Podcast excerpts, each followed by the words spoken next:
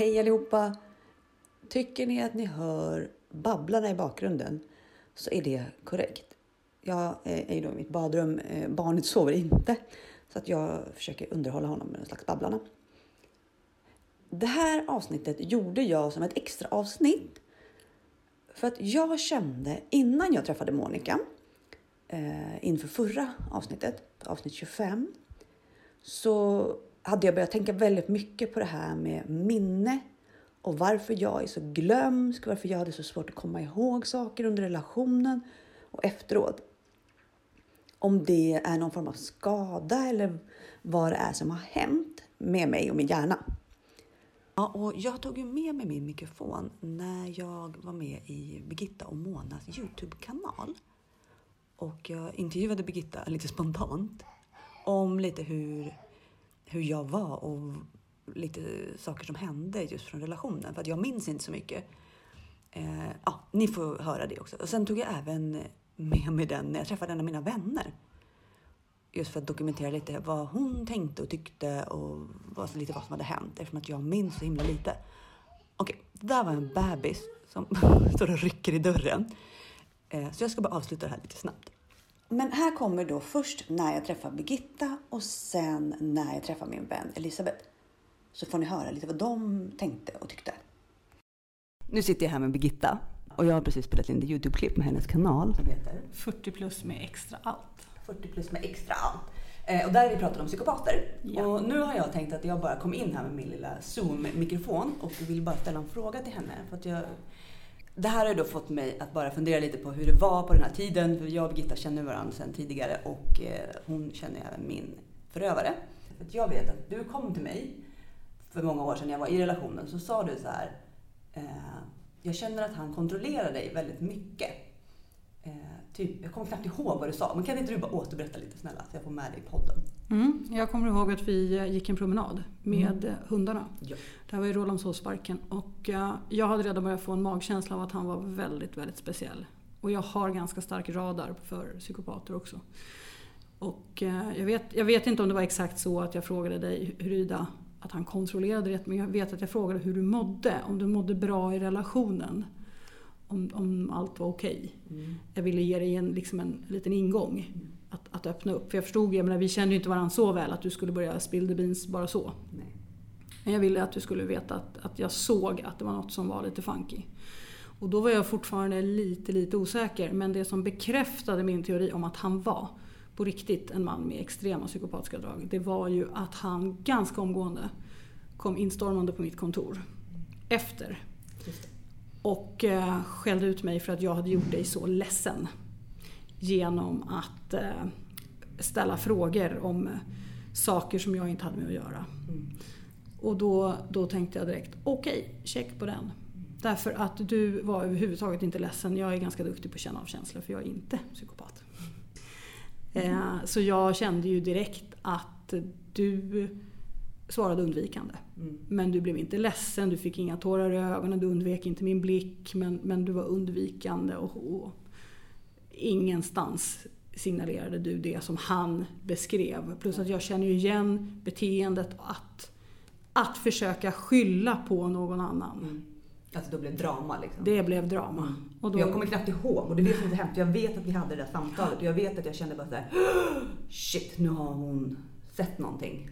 Ja, Eh, jag så här, men det är ju inget, det är han inte, nej, det här, nej, nej, men det är ju ingenting, det är ju jag. Så att, nej, hon får inte, och jag, får, jag fick ju inte prata om privata saker med andra. nej. Det var ju jätteviktigt. Han Ja. sa det, du får aldrig berätta för oss liksom, vad vi håller på med i vår relation för andra förstår inte. nej. Nej. Nej. Och sen så var du monstret. Mm. Och sen, Och sen- så typ, Jagade han ju mig ja. på sitt sätt. Mm. Jag tror och så han slutade vi jobba ihop och så Ja. var det bara skit. Ja, Mm. absolut. Mm. Mm, tack, då har jag fyllt i den minnesluckan. Mm. Eh, och sen så bara tio år senare, jag säga, så kom, du bara hörde av dig till mig och sa så hej kan vi bara prata lite? Och så träffades vi när jag hade skilt mig. Mm. Och det tyckte jag var så fint av dig, så jag är jätteglad att du gjorde det. Och bara kände så här, shit, det var ju faktiskt inte mig det var fel på. För du sa ju ändå det, så här, jag måste bara säga det. Den där jävla dåren.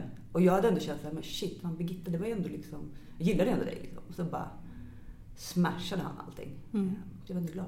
Och jag kommer ihåg när han försökte reparera relationen därför att Mm. han ville att jag skulle sälja någon sorts kompressorer. åt honom. Ja, airbrush! ja, Ja, så han tog ju mig till eran eh, studio. Och så, jag var ju väldigt misstänksam. Och visste ju att jag skulle aldrig göra någon business med honom igen. Eh, men jag spelade ju kortet att ja men du gjorde mig väldigt ledsen förra gången. Ja men förlåt då. Och det här kalla, hårda i blicken. Nej men du var faktiskt inte med, du var inne och klippte så du var inte med på det mötet. Och då igen kände jag så här, ja ja. Men det där Men är du ju någonting. nytt försök? Ja, ja. Och bara för att, för då var jag plötsligt en person som han tyckte att han kunde tjäna pengar på. Mm. Han behövde dig där. Ja, det behövde han mig. Och då, då passade det honom att be om ursäkt. Mm. Fast det fanns ju inte någonting som var genuint alls i den ursäkten. Mm. Ja, för du var ju, äh, han, han tyckte, eller du ville bara, det var bara business med dig och du var bara liksom utnyttjade honom. Och, Ja, Absolut, och så du var var, du var manshatare. Ja, ja, eller hur? Ja, nej men och, eh, jag vet att du inte är något av dem. Nej. Tack snälla för att du vill vara med i podden. Jag tänkte jag skulle klippa in det här i något av de här avsnitten för jag måste bara spara lite ljudfiler. Så att jag vill försöka ha lite bikter från de som har varit i mitt liv också. Mm. Nej, jag kommer ihåg det här väldigt väl. Mm. Och jag är glad att du inte frågade. Fast jag där och då kände bara shit det här var inget bra. Hon får inte veta det här liksom. Nej, och jag är ledsen att jag inte kunde hjälpa dig bättre. Mm, och det är jävligt svårt. Eh, för jag tyckte du gjorde det ändå bra. Du gjorde någonting. Mm. Det var många som inte gjorde det. Tack snälla. Tack. Hej min vän Elisabeth. Hej. Hej. Ehm, Du har ju varit med mig under väldigt många år. Och har ju liksom fått din bild och sett det utifrån. Allt som har pågått. Och jag vet att jag pratade med dig om att det hände grejer. Men jag vet också att jag ljög nog lite för jag sa ju inte riktigt vad som hände. Men jag minns inte mer. Jag minns inte vad, som, vad du sa. Jag minns inte om vi pratade något mer. Jag vet ju att jag, jag var väldigt bra på att dölja, undanhålla och liksom maskera hela, hela allt som var. Ehm, så min fråga är då, vad, vad minns du? Vad, vad sa jag? Det var ju under ganska många olika samtal och det kom ju fram eh, lite i olika segment. Eh, och du var ju aldrig nog riktigt ärlig har jag förstått i efterhand. Då trodde jag att du var det. Men eh, jag vet att du berättade att du hade träffat Christian, och, men alltså, vänskapligt. Och att han hade fått reda på det. Eh, och att det hade blivit problem. Så. Ehm, sen vet jag även att han då ringde mig eh, och eh, skulle berätta. Och att du var med i bakgrunden förstod jag. När han ringde och berättade. jag. Nej, och han ringde ju och sa då hur...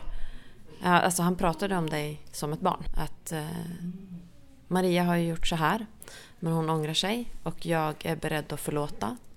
Eh, jo, och, och jag hörde att du var i bakgrunden. Eh, och han liksom bekräftade att du var i bakgrunden, eller hur? Liksom så.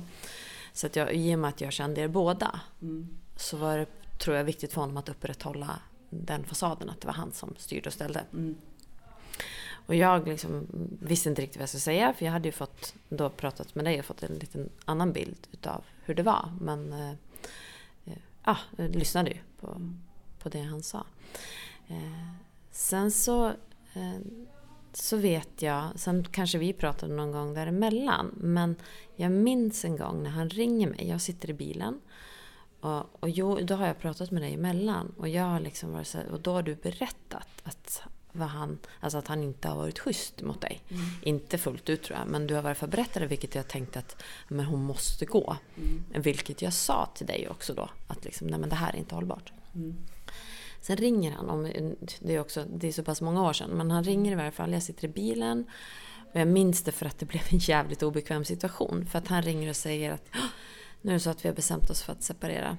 Ehm, vi ska skiljas. Varpå jag säger, men du, det tror jag är det bästa. Och då säger han, jag skojar bara. Åh nej. Och då blev det ju lite jobbigt. Åh nej. Ja, och, Mic drop! ja, för det var ju, jag, jag kände ju så. Ja. Men det blev ju spontant. Jag tror att det är det bästa. För jag tänkte det bästa för dig. För jag hade ju börjat inse vem han var, vad han var. För det hade ju inte, han hade ju manipulerat mig också. Men jag vet ju att jag hade ju, när, när vi träffades och jag träffade honom, ju längre åren gick desto mer nedtryckande var han ju mot dig offentligt. Mm. Eh, Så, så det blev en sån här, han bara, nej men vi ska gå i terapi och, och Maria ska bättra sig och det, det, hon har ju tagit på sig det och verkligen. Och då var jag så här, okej, okay. då fick jag ju bara liksom backa undan lite, lite mm. snyggt. Um, sen gick det väl ett tag till. Jag var på bröllop på en av mina andra närmsta vänner uh, in, i, nere på västkusten och du ringer och är helt förkrossad och förstörd och då har han hotat att skada sig och ni ska separera och då är det ju så. Mm. Faktum. Och att du, jag vet inte om du hade dragit iväg då eller om han hade dragit iväg. Någonting var det bara att ni var inte på samma ställe. Mm.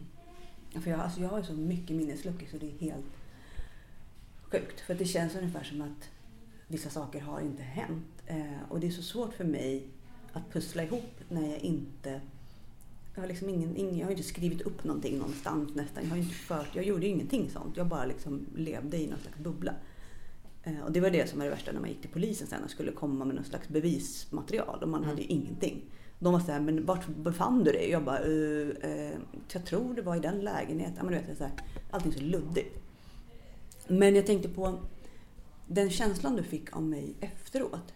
Hur var den? Var jag liksom Kändes jag förvirrad eller kändes jag, hur var jag liksom? Om man tänker när jag hade separerat, när jag lyckades liksom, hur var jag? Nej, alltså jag... Så som jag uppfattar dig, det är att Bortsett från när, du är liksom förvirrad på ett liksom spontant... Ja men precis, och det är så ett barn där och sen ja. så är det hårfärg här. Liksom. Ja. Men så är ju du samlad och framförallt när det blir eh, tuffa situationer, allvarliga mm. situationer som du var ganska avstängd uppfattade mm. jag dig. Eh, inte riktigt närvarande utan lite grann så att du kunde prata om det som, som någonting vardagligt fast mm. det inte var det. Så det var min uppfattning av dig. Förutom när du ringde då när jag bröllopet. Vilket mm. det, det, datumet kan jag ju sätta eftersom ja. att det var ett bröllop. Men eh, nu har jag det inte här. Men, eh, så då vet jag att då var du, och det är första gången och det var därför som jag reagerade. Så jag tänkte att jag ska åka hem. Mm. För att ja, jag, pass, liksom. ja, för mm. jag har aldrig hört dig mm. så. Det var liksom den gången jag hörde dig eh, ja, med stort sett panikslagen eller ångest. Ja, liksom. Ja. Jag minns inte. Det är Nej. borta. Ja. Och, ja. Eh, men sen så träffade jag dig och mm. Christian mm. eh, ute på Djurgården. Ja, just det när ni var... När ni var liksom, lite escape mode. Precis. Ah. Och då fick ju jag ännu mer, då fick jag veta ännu mer då när vi var och käkade mm. lunch där ute. Då fick jag ju veta. Jag ville ju visa Christian för dig för att du skulle ja. se att han inte var lika psykopat. Ja. Jag var här, titta på den här. Ja. Gå här. Han ska inte vara likadan i alla fall. Nej. Ja. Eh, nej, du skulle vara någon slags koll. Ja, kanske. Jag vet ja, inte. Vad spännande. Mm. Ja. Eh, så då så fick jag ju mera hela storyn. Mm. Då fick jag ju reda på mera. För då kunde du väl berätta. Jag tror att du kände dig lite tryggare mm. också. Att du kunde mm. berätta mera. Mm. Så att eh, som sagt, samlad men inte riktigt närvarande. Nej. Ja.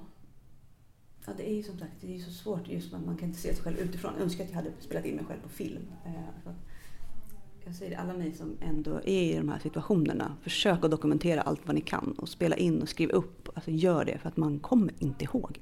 Ett jota. Um, tack min kära vän, du vill vara med i min podd, en liten sekvens. Det var så trevligt. Ja, så. jo, så att jag då kände ju att det här måste jag ta upp med Monica. Så att vi måste bara prata om det här med minnen. Vad är det som händer? Hur liksom funkar det? Att jag kan göra ett litet avsnitt. Som ni hör är han ledsen nu också, så att jag måste gå.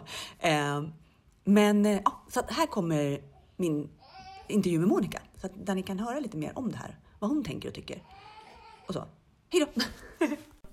eh, sen vill ju jag bara prata lite, lite om minnesförlust. Mm. Och det som händer. Eh, för jag har ju märkt att jag kommer ju inte ihåg mycket alls. Och mm. jag har själv eh, under den här relationen, det är jättemycket som är borta. Det är katastrof. Och det var katastrof när man skulle prata med polisen och det var ju bara tack och godnatt. Men jag har också märkt under de här sju åren efteråt så fortsätter mitt dåliga minne. Jag har ju inte blivit smartare. Och nu vet jag, min, min mamma har ju också lite dåligt minne, det är ju generellt med människor. Men jag känner att det är det är som att jag, jag, jag, jag är inte närvarande i, i det jag liksom, i vardagen. Även fast jag tänker så här, nu sitter jag här med mitt barn, nu ska vi komma ihåg den här stunden. Så det är precis som att det är bara en dimma av alltihopa. Att det är liksom, det är nästan lite obehagligt och då undrar jag liksom vad är det som har hjärnan min hjärna stängt av, precis som det var det du pratade om, att man hade de här trådarna ut och sen har den liksom dragit ihop sig under de här 11 åren för att jag har varit i det här tillståndet. Att det nu har blivit en liksom, ja, kronisk. Ja, där, blir jag lite frågande om det är andra som upplever det också om dig. Mm. För där undrar jag lite om det här är subjektivt, att Mm. du kanske tänker att du minns sämre Mm. fast du faktiskt, att andra upplever att du minns bra. Mm. Det, det kan vara den ådran också. Eh, Men, men sen kan det vara att, att du lätt blir överbelastad. Mm. Lättare än förut. Mm. Så att du kanske kan ta in en viss mängd stimuli och att du sen inte orkar mer. Mm. Och att det är orken som har avtagit och då minns du sämre när orken avtar, vilket den gör fortare idag än förut. Ja, att det, ja okej. Mm. Nej, men för- det som, för när jag går tillbaka och försöker tänka, det var som var på, på relationen, det, där förstår jag att mycket är borta. Men då blir jag så, så här, liksom, när jag då försöker tänka tillbaka på nu de här senaste sju åren. Jag gjorde en test med julafton till exempel. Nu vet jag att jag har firat hos min syster i alla år, men jag försöker liksom, tänka på specifika, liksom, vad gjorde vi, vad hände? Men det är precis som att det bara, att det aldrig riktigt fastnar. Och om det är då att, som du säger, det här med orken, att jag inte, att jag inte är med på något sätt. Eller, Det kan vara det. Sen, sen så är, blir det ju, som vi pratade om för en stund sedan, det här med att det blir kom, konsekvenser. Att hippocampus kan bli mindre i hjärnan, vilket är den här med känslomässigt minne. Eh, och, och, och sen så... men ja, då, alltså, tråd, vad är det som händer? Alltså hjärnan den bara drar ihop sig. Liksom, eller vadå? Ja, att det, det är trådar som, celler som förtvinar där under när man blir utsatt för misshandel. Ehm, och ungefär som det här med trädet, att när trädet vissnar och sen så när det frodas så kommer det nya grenar. Mm. Och tvärtom då, att när det vissnar så fäll, fälls bladen Mm. och, och grenarna torkar. Mm. Så det är ungefär som att grenar torkar på hjärnan Ja. Eh, under en sån här relation. Mm. Men, men sen ska ju det där gå och återhämta. Men det är där det är lite oklart liksom hur mycket och om det blir helt återhämtat eller, eller inte. Mm. Och den här då avstängningsmekanismen man har, eller man, jag, som jag känner att jag i och med att jag inte riktigt är närvarande i mitt, mitt liv. Det gör väl också att man inte riktigt minns för att man inte är där. Förstår du? Alltså att det blir Ja. någon slags skyddsgrej också då. Ja, det blir det. Men där får jag vibbar när du säger det att jag, jag får igen de här vibbarna att du kanske blir överbelastad fort. Att, att det är då du stänger av. Att du orkar inte och då, då orkar du liksom inte vara närvarande. Mm. Så jag tänker att det kan vara det Som händer. som händer. Mm. När, det är det du beskriver nu. Mm. För, för att jag upplever att det är mycket som bara... Min sambo säger så här, men jag sa ju det där till dig. Och man säger va? Nej. Alltså, det är precis som att jag... Ja, Och då började jag säga, men var, var ska jag börja då? Jag, för jag märkte, jag skrev ut det i podden, eller på Instagram också, och frågade andra. Och de var så här, ja men det här med minnet, vad gör vi? Och vissa var så här, men det känns som att jag är liksom... Och någon som bara, jag tror att jag har fått Alzheimers. Men, så här, men det är nog inte det, utan det är nog någonting som vi...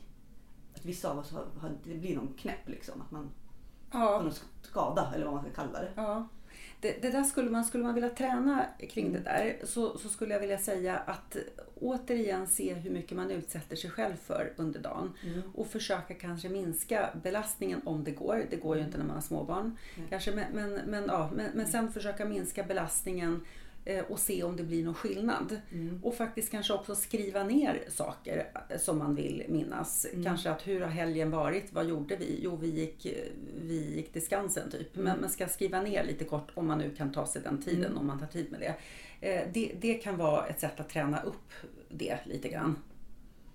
Och det, att det, det kan vara en kombination då av att hjärnan har fått lite skada och att man då inte är närvarande för att man går runt i någon slags stresspåslag. Liksom. Ja, och för att man fortare blir överbelastad. Mm. Så hade det varit tidigare så hade du kanske orkat mycket mer. Mm. Och när man orkar så, så är man ju mer uppmärksam och minns mycket mer. Mm. Men att du nu kanske orkar mycket mindre och därför stänger av i ett tidigt skede. Och därför kanske du minns 10% av julafton och 90% försvinner därför Ja, att du, du jobbigt, för liksom. överstimulerad Ja. av intryck. Av att se och höra. Och, Mm. jag, jag tror att det kan vara det. Men hur hjälper man sånt då? Jag tror att man, man får på något vis sänka tröskeln faktiskt. Eh, och se att okej, då orkade jag så mycket men, men nu orkar jag så här och nu får jag försöka anpassa mig så mycket jag kan efter hur mycket jag orkar, vilket är svårt när man har småbarn. Men, men sen för, försöka så mycket det går att ta pauser, eh, vila, göra saker du tycker om så mycket det går i din vardag. Liksom skjuta in det. Mm. Och sänka. Sänka belastningsgraden, sänka intryck, Mm. mängden intryck. Mm.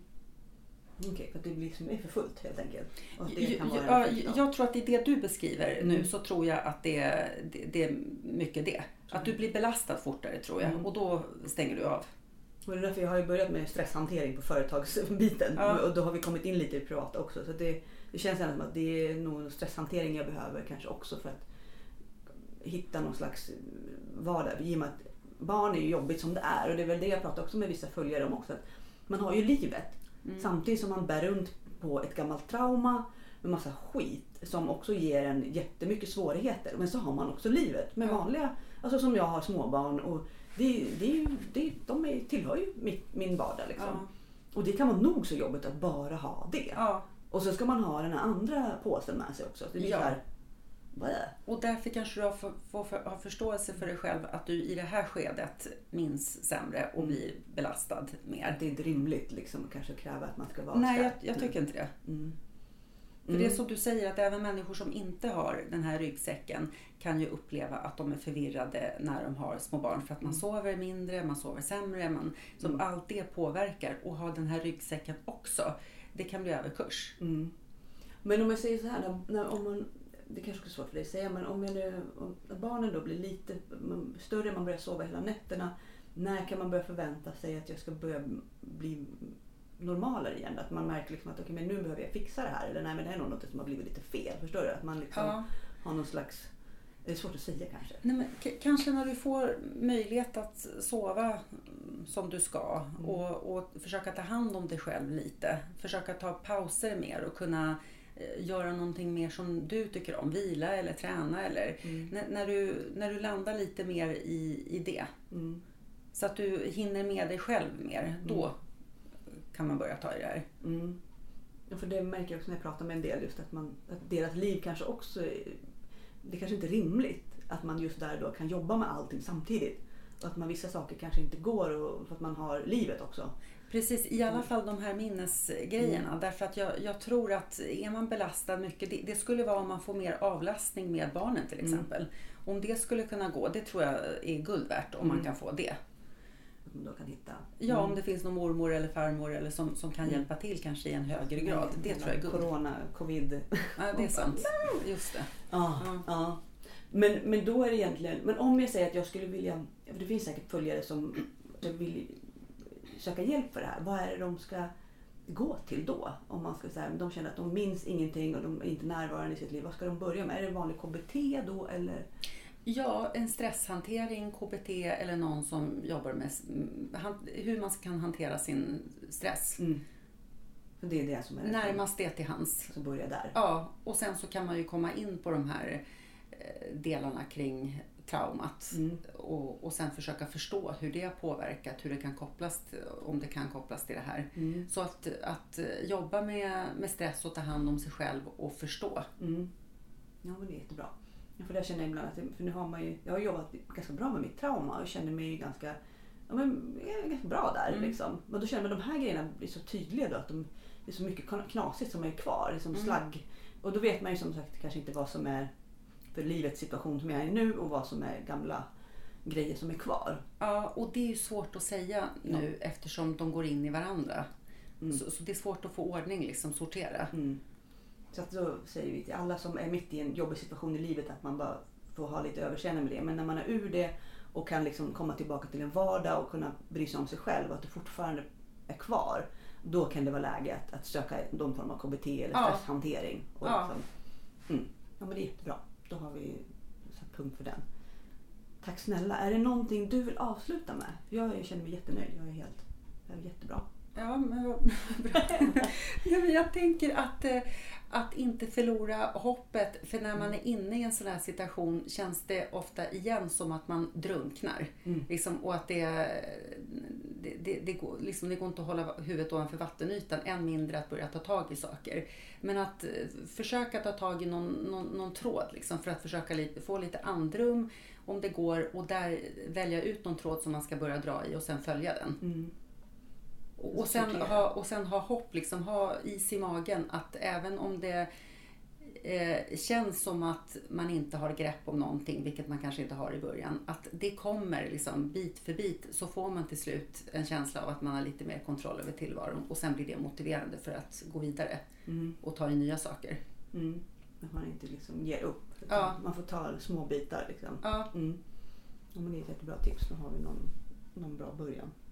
Vi glömde inget va, som var viktigt. ehm, För då kan jag då, då måste jag prassla lite. ja, prassla på. Nu har jag, Ja. jag hittar inga mer anteckningar. Bara så att jag...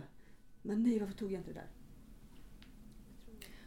Och något annat som kan vara intressant apropå det är att om man är uppvuxen med trauma ehm, så, så får man ofta svårare att kontrollera impulser och göra rationella val. Därför att den här stressen påverkar. Och att den här minskade storleken av hippocampus ehm, och, och minska storlek av, av den del som integrerar funktion mellan hjärnhalvorna. Så att de kommunicerar sämre, hjärnhalvorna, som konsekvens av stress. Så det är inte enbart minskad hippocampus som jag sa från början utan också den här kommunikationen mellan hjärnhalvorna. Och att man faktiskt kan bli påverkad i att, hur man styr impulser och gör val. Att det kan bli försämrat liksom. Ja, Att man hade tänkt annorlunda om man hade... ja om man inte hade blivit eh, traumatiserad. Intressant. Det är jätteintressant. Men då finns det också, men, kan man göra någonting åt det? Eh, ja, det kan man. Därför att eh, mycket handlar om att man inte känner någon kontroll utan man, man är bara i ett kaos, ungefär som i en storm. Och då försöker man överleva i den här stormen. Så återigen, om man tänker att man börjar någonstans, man börjar prata om det här. Då får man någon tråd att ta i, man börjar sätta ord på tankar och känslor. Utifrån det så pratar man mer om det man får, och då känner man mer kontroll, man får en bättre överblick och då kan man mer också se vad man ska börja göra för att ta hand om sig själv och få hjälp med det. Jättebra. Så känslan av kontroll är också viktig psykiskt, jätteviktig. Och i sån här situation känner man sig helt hjälplös. Mm. Och det är mördande psykiskt. Och det kan ju då på sikt ge skador liksom. Att det blir så.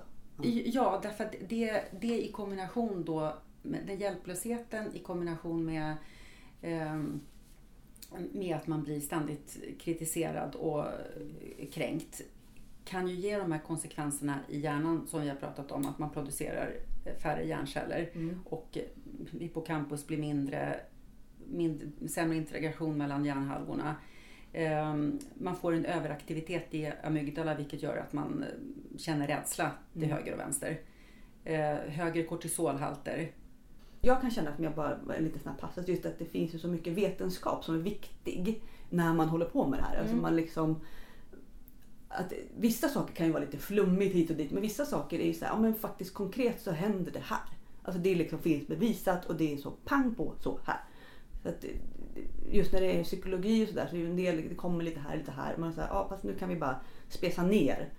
Eh, och vissa saker finns ju verkligen svart på vitt. Så här blir det. Så här funkar. Och därför tycker jag det är väldigt viktigt att man reder ut det. och Att du liksom kommer här med dina, det här funkar, så här blir det med hjärnan, den kan faktiskt göra det här. Precis. Och det är- och, och, men, men egentligen i, i stort är det ganska logiskt. Det är som när man vattnar en blomma så, så blir den större. Och vattnar man den inte så torkar den och tappar blad och grenar. Nå- Något liknande är det ju med hjärnan Mm. vid trauma. Ja, det är jätte, jättebra. Ja, men då är jag nog nöjd. Om du känner att du inte hade något mer Ja. som var på, din papper, på ditt papper. Ja. För att jag hade inga med mina anteckningar. Det är Ehm, jättebra. Jag ska titta här, vänta. Nej, och Monica hade faktiskt ingenting mer att tillägga. Så eh, vi avrundade där. Eh, jag är ledsen för att det svajade väldigt mycket i ljudet eh, i, i några av klippen. Det blir lite så när man är spontan och bara tar med sig en mick och så kör man på stående fot.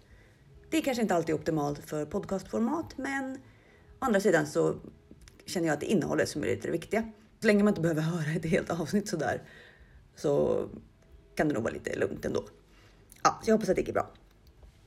Eh, Monica rekommenderade även två personer som på Youtube tar upp väldigt mycket av både psykisk misshandel och narcissism och allt det här som vi har pratat om. Både i avsnitt 25 och i det här avsnittet. Så, och de, de personerna är ju då, den ena är Dr. Les Carter, eller ja, Dr. Les Carter. och den andra är Dr. Ramani. Båda de här är då experter på ämnet och pratar väldigt mycket på Youtube och försöker sprida kunskap. Så hon rekommenderade dem varmt. Eh, följ oss på sociala medier. Där heter vi Psykopatpodden överallt. Och skicka oss DM på Instagram om ni vill få tag på oss bäst. Vi har ju väldigt svårt att svara på alla meddelanden och mejl som kommer in. Men vi gör så gott vi kan. Och ja, ta hand om er allihopa. Och jag hoppas att det här avsnittet gick att lyssna på ändå, fast det var lite svajigt. Vi hörs. Hej då!